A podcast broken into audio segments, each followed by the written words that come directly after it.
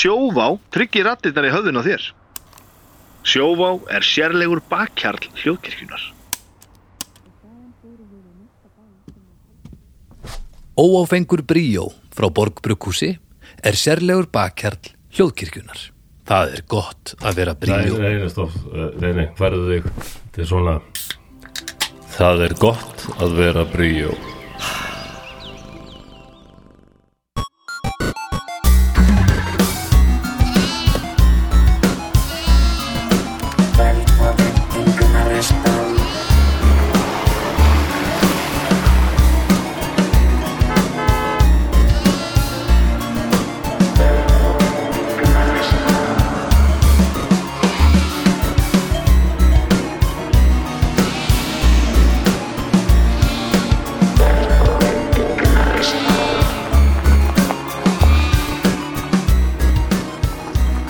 Ég ætlaði að lesa fyrir ykkur bók sem að ég hef skrifað.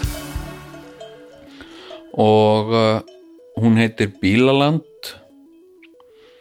Uh, og uh, fjallar um uh, þetta er minningabók.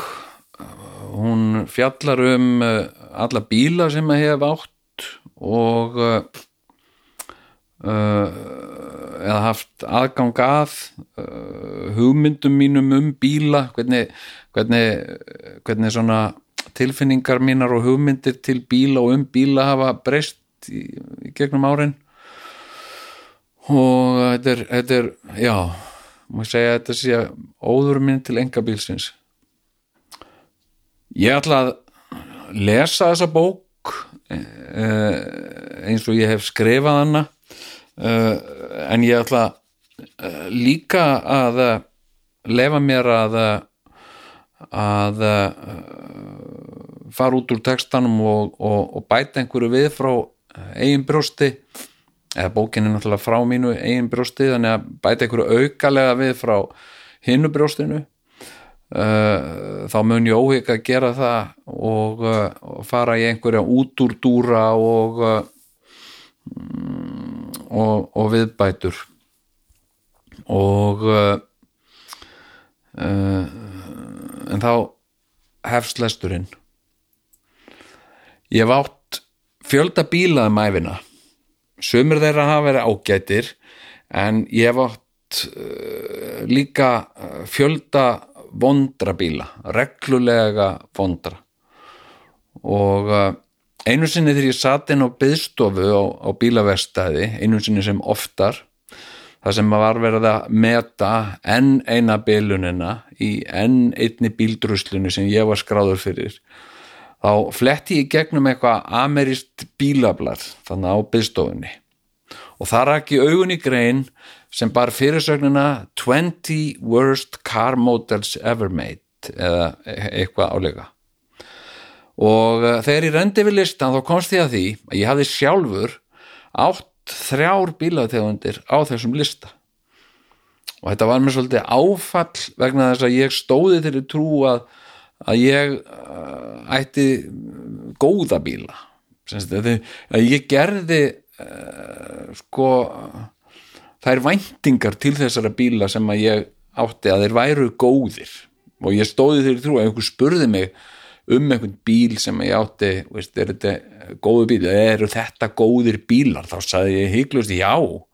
E, já það er ekki það nú? Þetta eru ég, og gjarnan sko var ég að lepja upp eitthvað þvaður sem einhver bílasali hafði sagt við mig. Uh, en ég er fættur í Reykjavík uh, 1967 í januar og uh, bjó fest í, uh, í skipholti og svo í smá, smá íbúða hverfinu en er að mestu alin upp í fósvogi og ekki minnist ég þess að hafa haft einhvern sérstakann áhuga á bílum þegar ég var bann eins og, eins og uh, gjarnan er algengt með, með marga uh, eða var algengt með marga unga drengi á þeim tíma. Söfnuð einhverjum ákveðnum einhverju ákveðnum dótabílum, matchbox eða eitthvað svona, uh, ég gerði það aldrei. Og uh, ég kunni mjög lítil skil á bílategundum. En ég man að mér fannst jeppar þó jafnan svona tröstverðugari en, en venjulegir fólksbílar.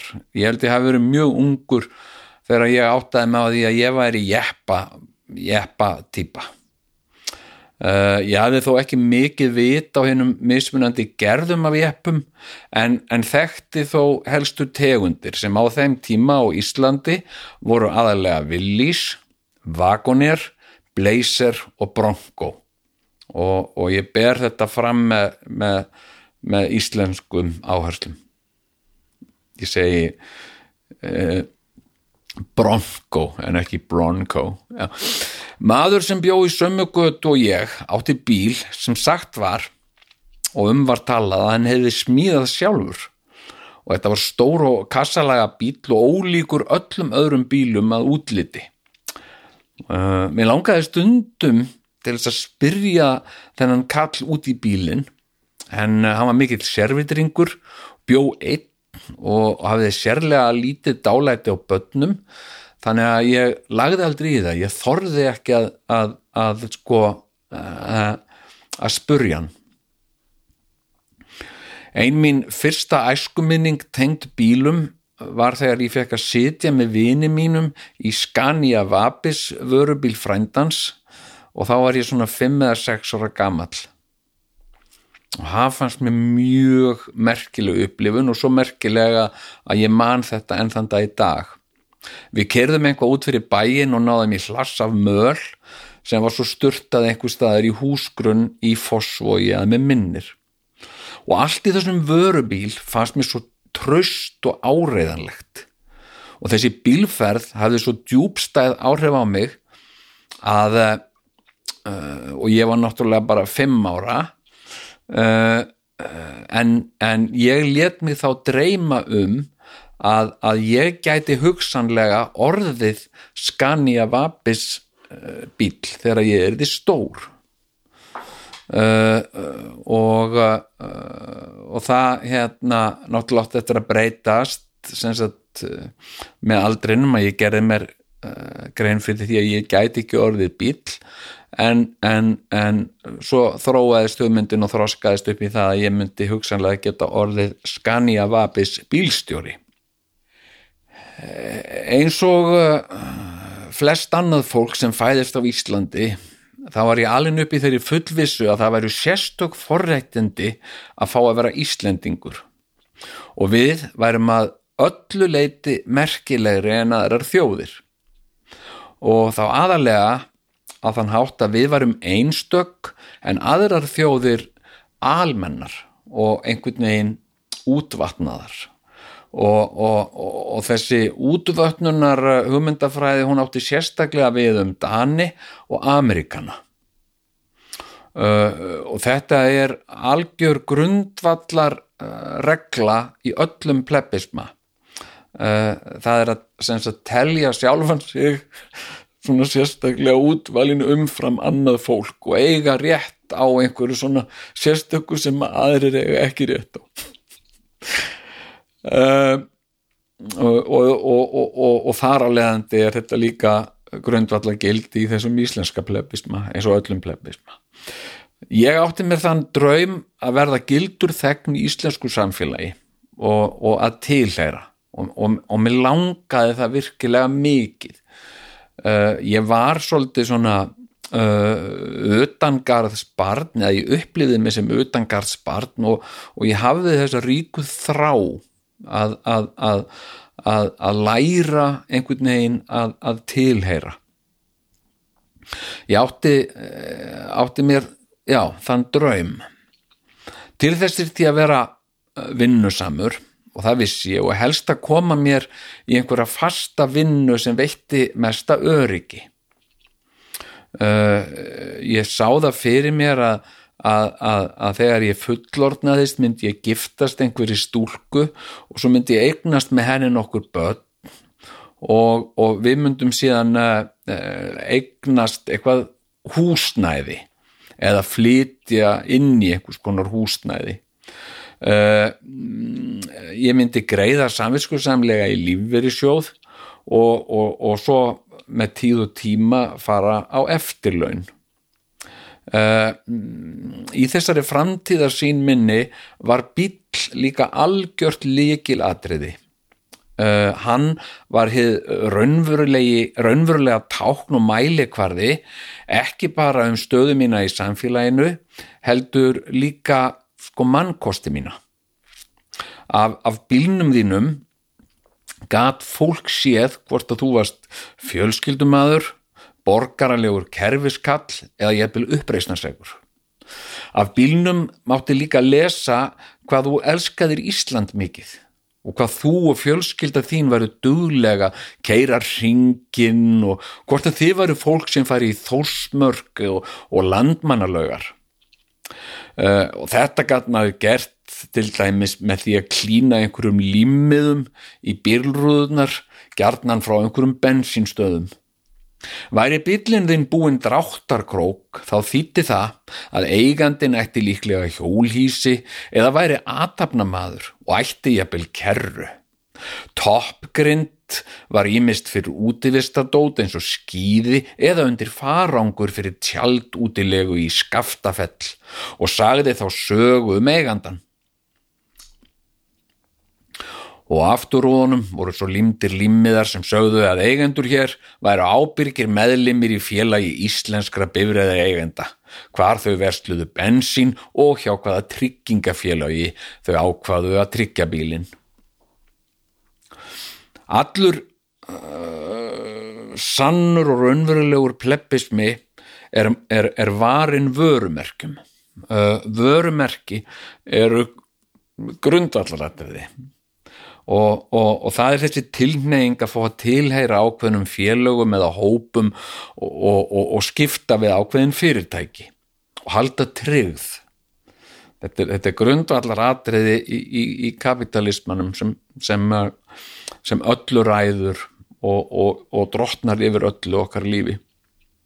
Ísland eh, finnst mér á svo miklu leiti byggt upp eins og sértrúarsöfnuður. Eh, við erum mjög fámenn og landið er afskekt og þess vegna þurfum við mjög sterk gildi sem eru ósýnileg en, en, en, en þau eru límið sem mynda heldina og haldinni svo saman.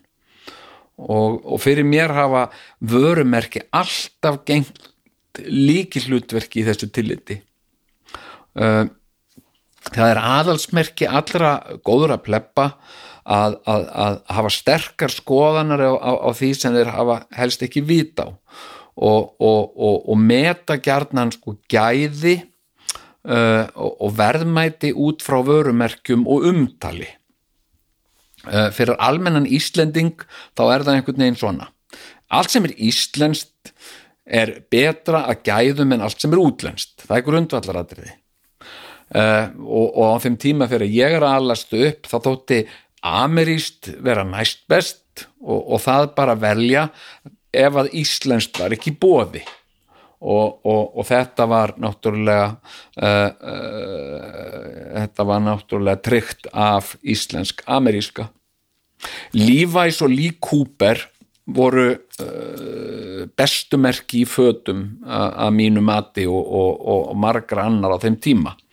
Og Nike uh, í skóm uh, og uh, og sko í næk skóm þá var þeir aldrei fótaskortur það var enginn að mistiga sig og detta framfyrir sig í næk skóm og, og þarna nöyti ég til dæmis mikill að leðsagnar mömmu minnar Amerísk föt eru bæði góð og slitsterk, sagði hún. Og mamma varaði mig við því að verða alls ekki listamaður þegar ég við stór. Þau störf sem listamenn innu væru ávísun og atvinnu óryggi. Listamenn væru líka líklegi til að leiðast út í drikkjuskap. Mamma reyði mig líka frá því að flytja í gömlu Reykjavík, að í gamla hlutan, því þar væri húsnæði bæði gammalt og ónýtt og betra væri að flytja í, í nýtt húsnæði í nýju útkverfi. Þótt ég hef ekkert vit á bílum þá uh, var ég samt snemma með frekar ákveðnar skoðurnir á þjóðernum bíla. Uh, Fóreldrar mínir ógu alltaf á möstu allan minn uppvöxt. Uh, það var samt meira áhuga mál pappa en mömmu. Ég veit ekki hvaðan pappa kom þessi mikli möstu áhugi. Pappi eh, hafði engan sérstakann áhuga á bílum frekar en ég og, eh, og mamma jafnvel síður Aldrei minnist ég þess að hafa heyrt þau ræða um einhver bílamál, hvaða bíla annað fólk ætti eða hvað væru góðir eða slæmir bílar eða, eða bara eitthvað um bíla. Uh, mamma og pappi töluðu aldrei neitt um bíla. Framan af áttum við Mazda 343 en þegar ég var svona 14 ára þá keiftu þau sér eh, gráa Mazda uh, 646 uh, og fengu uh, enganúmerið R7000 og, uh, og ekki veit ég hvernig það kom til. Þetta var eitthvað sem að sem að pappi lagði mikla áherslu á að, að vera með enganúmerið R7000 uh, uh, og uh, ég hef ekki hugmyndum af hverju 7000 af hverju ekki 1000 eða, eða 10.000 ég bara hef ekki hugmyndu og ég, ég, ég hafði svo lítinn áhuga á þess að ég spurði ekki einu svona út í þetta Frá unga aldri var ég sendur í sveit á hverju sumri eins og algengt var með börn á þeim tíma. Uh, og uh, ferðalög í sveitina voru langar og, og hræðilegar bílferðir á, á hólóttum malarvegum. Yfirleitt var bílinn uh, fullur af fólki því það þótti til siðs að, að nýta ferðin eins og sagt var. Það þótti sjálfsagt að reykja, uh, konur reyktu síkaretur en karlar gerðnan vindla. Öll keðjurauktu þau til að drepa tíman á meðan á akstrinum stóð og börn voru því dæmt til að sitja í skýi af samblundu af malaríki og tópaksreik. Í sveitunum virtust uh, öll keirum á landróver og þótti sábíl staðalbúnaður á hverju íslensku sveitaheimili. Þetta voru gríðarlega ráslagalegir og háværir bílar og, og rykti og skrikti í þeim í sífellu þegar þeir voru kerðir í bland við skruðninga og vegar hljóð og, og það var eins og það var eins og allir svona almennir og mismunandi hlutar bílsins væri ekki almennilega festir saman, það nötrað allt og skalf uh, fyrir utan landróver voru svo auðvitað traktorar á bæjónum Stundum voru það bláir Fordar eða rauðir International sem voru jafnan kallaðir nallar. Það er stytting á International. Aðeins á einum bæ mann ég eftir hafa séð setor. En einhverja hluta vegna þá varð það svona mín uppáhald stráttarvilja tegund. Ég veit ekki, við hefum ekki hugmyndum af hverju. Þegar ég var tí ára uh, bættist ný jeppategundi bílaflóru uh, götunar þar sem ég bjó í fósvogi. Það var þegar ungur maður sem bjó í götunni kefti sér glænían Lata Sport sem heitir líka Lata Nýva. Ég hafði enga skoðun á því að nokkrir jafnaldrar mínir töldu að þetta væru ekki góðir bílar og alls ekki eins tröstir og amerískir jeppar og ég tók orðeira mjög trúanleg. Einu sinni bað ég pappa um að kaupa sér jeppa næst þegar hann kefti bíl. Uh, og af hverju ég gerði það, það var einhvern veginn að því að sko, mér fann svona flottustu uh, flottustu vinir mínir sem áttu einhvern veginn flottustu fjölskyldu en mér fannst þau gjarnan eiga jeppa. Og, og þau voru svona gjarnan eitthvað útivista fólk. Fóru í skaftafjöll og sumrin og bláfjöll og veturnar eða byrja í kettlingafjöll og, og þurftu til þess góðan jeppa. Og uh, og þess vegna baði ég pappa um þetta en uh, hann tók þessu mjög fálega og, og, og vildi ekki gera þetta og, uh, og þar með var það útrætt og við, við rættum það aldrei frekar Á unglingsárum mínum hugsaði ég eh, lítið sem ekkert um bíla og, eh, hafði hvorkin eitt sérstakt vit eða áhuga á bílum frekar hann í badnæsku. Ég eh, áttaði mig þó samt á mununum á, á, á, á venjulegum bíl og stationbíl. Mér fannst station uh, augljós kostur því, því það mátti tróða meira af drastli en, en komst fyrir í skotti á venjulegum bíl station var einhvern veginn uh, og kannski eitthvað svona sem ég hyrði fullorði fólk segja svona sem sagt, já hérna uh, bíl, já með venjulegan bíl. Já, station, já station, það var einhvern veginn station var, var betra. Uh, Uh, það gerðist þó eitt sumarið þegar ég var um það byrjum 15 ára að, að ég fekk skyndilegan áhuga á skellinöðrum uh, sem voru mikið áhuga mál margra jafnaldra minna og þar voru aðlega tvær tegundir Honda og Suzuki. Fyrir einhverja slisni fikk ég lánaða hondu skellinöðru hjá skólagafélaga mínum undir því yfirskynnið að þeim miskilningi að, að, að ég ætlaði að kaupa hana af honum. Og, eh, og það var kannski ákveðin óskikja en eftir að hafa dottið nokkru sunnum á henni skilaði henni ásamt lofórðu um að að, mm, að gera við einhvað eða láta þú veist gera við eitthvað sem ég stóð svo ekki við. Uh, og uh, þetta var einhver svona þetta var einhver svona útúrdúr þetta var einhver svona, að ég með langaði bara einhvern veginn að prófa þetta. Þrátt fyrir, þrátt fyrir takmarkaðan áhuga bílum var mér alltaf uh, samt sko ljóst mikilvægi þess að, að eignast bíl þegar ég er því fullorðin og, og það var jafn sjálfsagt og að, að eignast húsnæði. Allt fólk þyrti húsnæði og allt fólk þurfti bíl. Þa, þetta var einhvern veginn bara uh, hluti af því að verða sjálfstæð manneska Ísland uh, var og, og er jafnvel enn bara þannig land að, að, að, að hér þykir nöðsynlegt að, eiga eða hafa með svo aðgang að engabíl. Almenningssamgöngur voru stópular, gangstjettir og göngustígar voru á skortnum skamti og, og hjólreiðastígar þekktust ekki.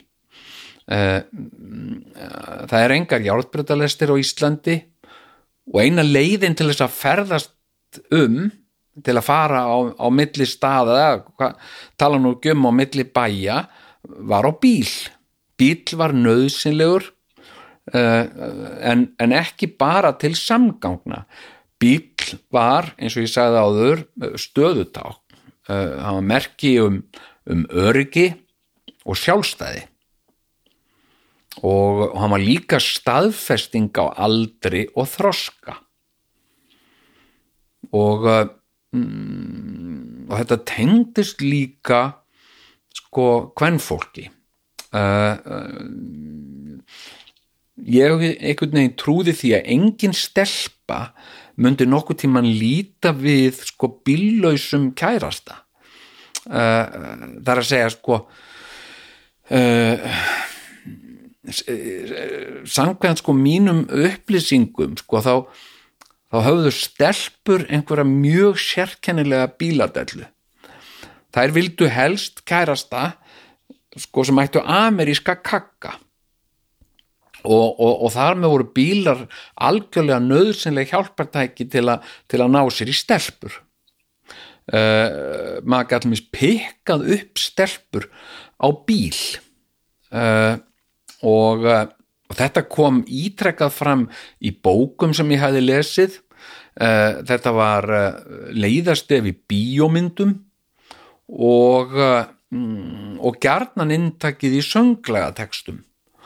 Sem sagt sko að það er sem sagt sko hérna einhverjir ungir menn út að rúnta og, og þeir er að þeir er að pikk upp stelpur að koma í kakkan. Uh, ég held að öll, uh, öll lög með HLH flokknum að öll mis fjallað um þetta. Kondu með, ég vil þig kondu með. Uh, og en það var mér svolítið alveg á hreinu að ungar konur litu ekki við lúðum sem ætti ekki bíl og tækju strætó. Uh, það, það var fátt sem þótti lúðalegra en að taka strætó. Og, og það var algjörlega á tæru eða ég minnst þá ímyndaði mér það að bíllaus maður myndi aldrei giftast. Bíllaus maður er alltaf einn. Frúin hlæri betri bíl frá bílasölu Guðfinns. Voru skilabóðin í einni vinsalustu bíla auglýsingu þess tíma Þetta var ekki flókið. Konur vildu mann sem átti bíl og helst ekki einhverja druslu. Maður sá það líka að konurnar í strætó uh, voru skiljanlega fúlar. Uh, því þær áttu mjög líklega ekki mann sem átti bíl og þessna voru þær í strætó. Bílar gerðu konur gladar. Uh, ef kona var sett í bíl byrjaði hún umsveifalaust að hlæja af einhverju spriklandi kvenlegri gleði. En ef þú settir sömu konu í strætó þá rann á hana fílusvipur að vera bíllaus var svolítið eins og að vera atvinnulaus. Það var nýðulægandi án bíls væri maður dæmdur til að lappa eða hjóla eins og bann eða aumingi fyrir allra augum eða jafnvel það sem verst var af öllu að taka strætó. Það var ekkert sem þótti jafn ófínt eins og að taka strætó.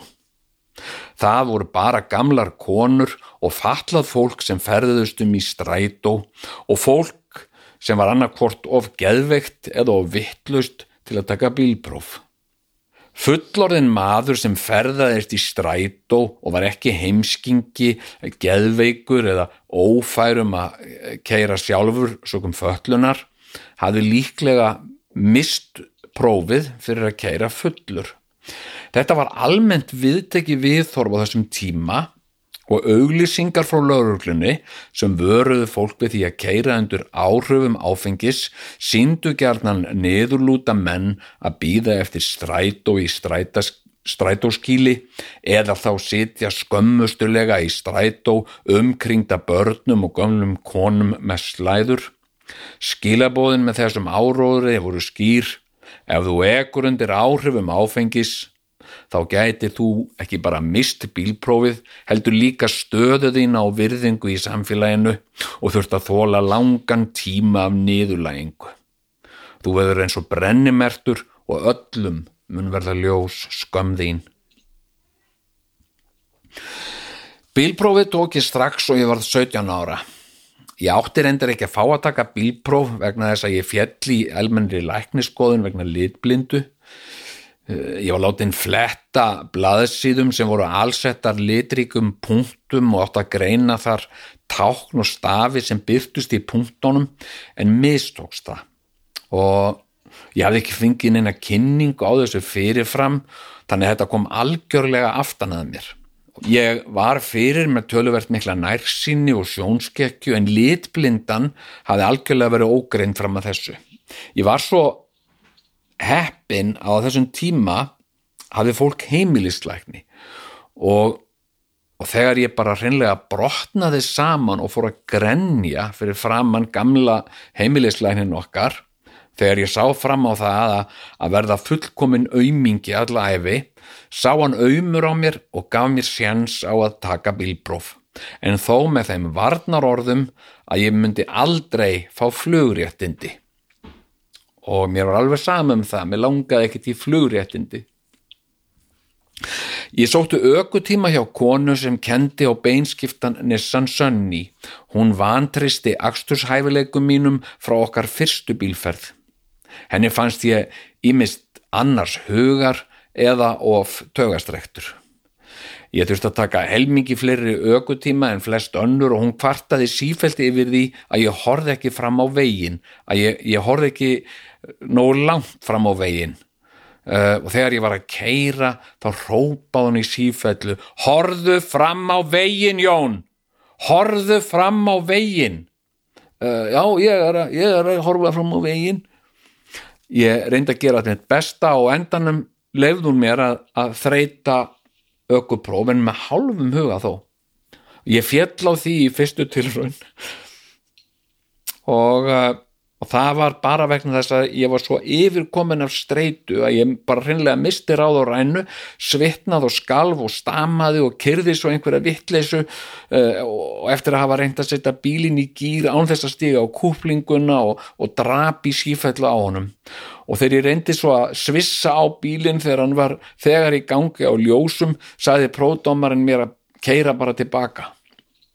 Uh, og ég held ég hafi hreinlega fengið sko hýta af streitu. Ég þurfti því að taka nokkra aukutíma í viðbót og uh, kom svo að lokum slísalaust í gegnum prófið í annari atrenu strax sumarið eftir bílprófið keifti ég mér minn fyrsta bíl ég borgaði reyndar ekkert uh, fyrir hann heldur fekk ég að hyrðan uh, þetta var gamall Ford Fairline 67 sem er mitt sko sama mótel og ég. Uh, bíl sem var að reyðka í sundur utan vegar upp á Kjalanesi rétt hjá þar sem ég var að vinna í garðvirkju um sumarið. Bílinn var fallega rauður og lit og með vínrauðu áklæði að innan. Mér fannst það mjög viðegandi þar sem ég var rauðarur sjálfur Hann var að vísu mikið riðgaður og allsettur misstórum riðgötum og þau stærstu og stærði matardisk.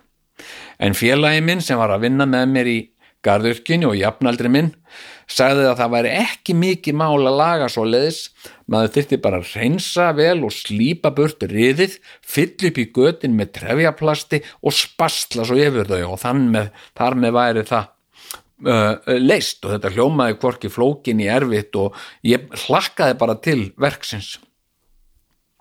Við stoppuðum stundum hjá bílnum þegar ég áttum leið hjá og mér fannst þetta mjög tröstur bíl þrátt fyrir þessa langvarandi vannrækslu mér fannst sérstaklega gaman að setjast upp í hann og fíla mig á bakvið stýrið. Flestir bílar á þessum tíma voru beinskiptir nema þeir amerísku. Þeir voru sjálfskiptir og Ford Fairline var töluvert meira töff heldur en Nissan Sunny. Skiptingin var ekki á milli framsætana eins og í flestum öðrum bílum heldur þægilega og á stýristönginni. Það fannst mér bæði tröstveikjandi, praktist og auðvitað gríðarlega töff því það var ameríst. Ég leta lokum draga fortin á sameinlega bílaplanið í göttunni og hugðist geran þar upp í róliheitunum yfir sumarið. Ég var mér út um bókum þessa bílategund. Þetta var þykk og mikil bók og uppfulla vönduðum skýringamyndum. Eftir að hafa fletti gegnum bókina var ég samt litlu nær um bílinn. Eh, bæði var ensku kunnarta mín af skortnum skamti og uh, líka svona almennur skilminningur minn á uh, eðli bíla. En ég hefði fulla trú að ef ég bara hæfist handa þá myndi þetta smátt og smátt ljúkast upp fyrir mér. Eftir vinnu alla daga fór ég beinti að vinna við að gera upp bílin helgarnar fóru allar í þetta áhuga mál meir og minna. Ég hlakkaði til að sína mig á kakkanum um bæinn Ég hlakkaði líka til að geta stoltur sagt frá því hvernig ég gerði upp bílinn sjálfur. Þegar einhver í götunni kom við og síndu þessu áhuga, þá var ég kókröstur og bar mig vel. Hvað er þetta að gera með þennan? Er að gera hann upp? Já, hann er rosa reyðgaður. Já, já, eftir að púsa hann upp. Já, er hann ekki ónýtur? Nei, nei. Vélin er góð, sko, hann er flottur að innan. Hvað er hann mikið kerður? Uh, nei, ég held ekki, sko. Hann er ekki mikið kerður. Þetta var í, í, í fyrsta skipti sem ég heyrði þessa spurningu. Og hvað bílar uh, varu mikið kerðir uh, var eitthvað sem ég hafði aldrei hugsað um. Ég, ég var ekki meðvitaður um að það væri einu sinni uh, til uh, og það hafði ekki verið hluti af mínu ökunámi uh, en uh, dekkin á bílnum voru, voru sprungin og við nánari aðtugun og eftir að hafa reynda pumpa loft í þau þá kom í ljós að þau voru augljóslega ónýtt og ég tjakkaði því bílinu upp og uh, tók dekkin undan og, og, og sett hann á stöpla sem að ég gerði úr gamlum hellusteinum sem ég fann þarna í nágranninu og uh, og ég svona þegar ég tók af dekkin þá sá ég að, að allt þar fyrir innan sko öxlatnir og allt þetta játnarna fyrir innan dekkin var allt kolriðgað uh, og, og felgurna voru líka kolriðgað bílinu auðvitað búin að standa lengi upp á kjalanesi og það er nú uh, svolítið vindarsamt oft upp á kjalanesi en uh, ég var með ráði við því og sprautaði á þetta allt saman riðolju sem, að, sem að ég ímyndaði mér að myndi einhvern veginn vinna síðan á öllu þessu riði. Og, og oljan þyrfti bara tíma til, a, til að vinna. Uh, sama hvað ég ringdi mikið í skýringamyndirnar í, í, í bókinni góðu uh, þá, þá gæti ég ómögulega sko gert mér grein fyrir því eða átta mig á því sem, sem blasti við mér undir húttinu uh, þetta var svolítið fyrir mér eins og að glápa upp í himinin og, og, og vera einhvern veginn að reyna að sjá stjörnumerkin. Uh, eina sem ég fann var rafgeimirinn. Og, og hann var líka augljóslega gjör óneitur uh, ég náði að, að, losa hann af og setja nýjan rafgeimi í bílinn uh, ég náði líka að setja nýjan sílendur í svissin og, og þannig uh, tókst mér að fá útvarpið til að virka. Uh, ég gætt sko koma honum í gang en hann fór aldrei í gang og uh, og það gerðist aldrei meðan þessi bíl var í minni eigu að hann færi í gang uh, einhver ráðlaði mér að, að kaupa startspray. Uh, og, og ég var búin að kaupa marga brúsa af því og úða því samvöskusamlega yfir vélina marg ítrekkað en án árangurs. Uh, eina sem gerðist þegar ég sneri liklinum var að útvarpið fór í gang uh, mér fannst það ákveðin áfanga sigur að þetta uh, framsætið sko var eitt heilt sæti. Það var, það var heilt bekkur. Og það var ákveðin sjarmi yfir því að sitja inn í bílnum og hlusta útvarpið. Uh, mér fannst gott að sitja að inn í bílnum uh, keðjureikja halda um stýrið og láta mig dreyma um að ég væri að sigla um götur Reykjavíkur á þessum einstaka bíl. Svolítið eins og í, í myndinni grís. Uh, en, uh, en það varð aldrei af því. Ég skar mig illa á hendinni þegar ég var að reyna að klippa burt einn riðblettin, uh, trefjaplöturnar uh, voru líka tölvert flóknari en ég hafði ætlað. Uh, sem sagt það auðvitað taka hverja trefjaplötu og, og rennbleitana í lími. Og, og, og ég náði að gera það sem sagt að, að, að fylla eitthvað svona plastall af lími og, og leggja trefjaplötunar og niða en, en það var þrautinni þingra að komast síðan að riðblettunum innan frá og, og ég var allur orðin útskorin á höndunum og, og rak mig sífælt í kvassar játbrúnir þegar ég verið að reyna að tróða einhverju trefjastikki inn á milli burðarbita í játgrindinni og og þótt ég væri búin að koma plötunum á réttan stað oft með mikill í fyrirhöfn þá vildu þær ekki haldast þar fastast heldur ég að byrja festustu puttan á mér og komu svo út með hendinni því ég dró hana alblóðuga og rispaða tilbaka. Og, og þetta var einstaklega uh, þreytandi og, og frústererandi.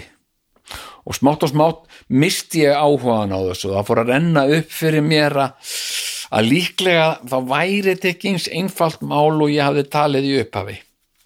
Með hjálp bókarinnar góðu náði ég að staðsetja demparana og þeir voru augljóslega búinir að að ljúka sínu æfistarfi uh, ég reyndi að, að, að losa þá en, en þeir voru eins og flest annað í þessum bíl. Svo, svo gegn sósa af riði að ég náði ekki að losa þá. Og uh, og það minnst ekki með þeim uh, fáu töngum sem pappi átti í sínu fábrotna verkfærasafni og ég hefði tekið tröstatæki þegar ég svo komst að því í varalhutaverslun að nýjir demparar uh, kostuðu bara um það bílt það sama og, og ég þjenaði á uh, tveimur vikum í, í garðirkjunni þá fór svona ákveði vonleysi að grafa um sig innra með mér og, og byrjaði að molna undan þeirri miklu bjartsinni sem ég hafi fylst af þegar ég fyrst leitt bílin augum nokkurum vikum áður upp á kjalarnesi Þegar svo nákaranatnir voru byrjaðar að kvarta yfir allir í óljunni og, og öðrum glussum sem endalöst virtust leka úr kakkanum góða, gafst ég endanlega upp og, og viðurkendi vannmátt. Stjáni Meik, frægur bífilavirki og sérfræðingur í gamlum bílum, kom á flutningabíl og fjarlæði bílinn. Ég vappaði í kringum hann og meðan hann dró bílinn upp á vörubílspallin og reynda upplýsan um ástand bílsins eins og, uh, eins og þegar einn læknir upplýsir annan um ástand sjúklings sem flytja þarf á milli dilda. Þótt ég myndi kannski ekki hafa veg og vanda því að gera upp bílinn þá myndi ég gleðjast yfir því að sjá hann aftur keira um gödurnar og, og vita að, að ég hefði átt örlítinn þátt í endurgerðinni og lagfæringunum. Ég myndi jafnvel geta sagt þegar hann sildi hjá að hm, þarna færi gamli bílinn minn. Ég ætti ekki kakka í augnablikinu en ég hefði vissulega átt eitt slíkan í fyrndinni. Ég setti nýjan rafgeim í hann. Stjáni kinkaði kolli. Þar sem ég hafði ekki þörf fyrir bókina góðu lengur, böði honum að fá hana en hann afþakkaði bókagjöfuna pent.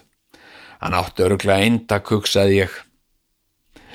Ég reyndi að ná dempur honum af en þeir eru bara eitthvað riðgaðir fastið við bílinn en ég setta á þá riðolju.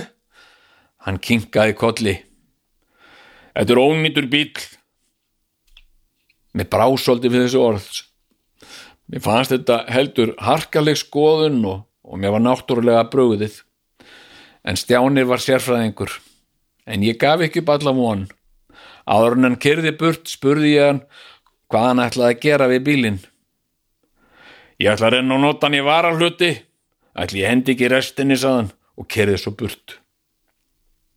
Þannig enduðu uh, samskipti mín og uh, þessa fyrsta bíls sem ég aldrei kom í gang en hafði svo sterkar tögar til og, og, og, og miklar væntingar. Líkur nú hér fyrsta hluta uh, sögunar Bílaland.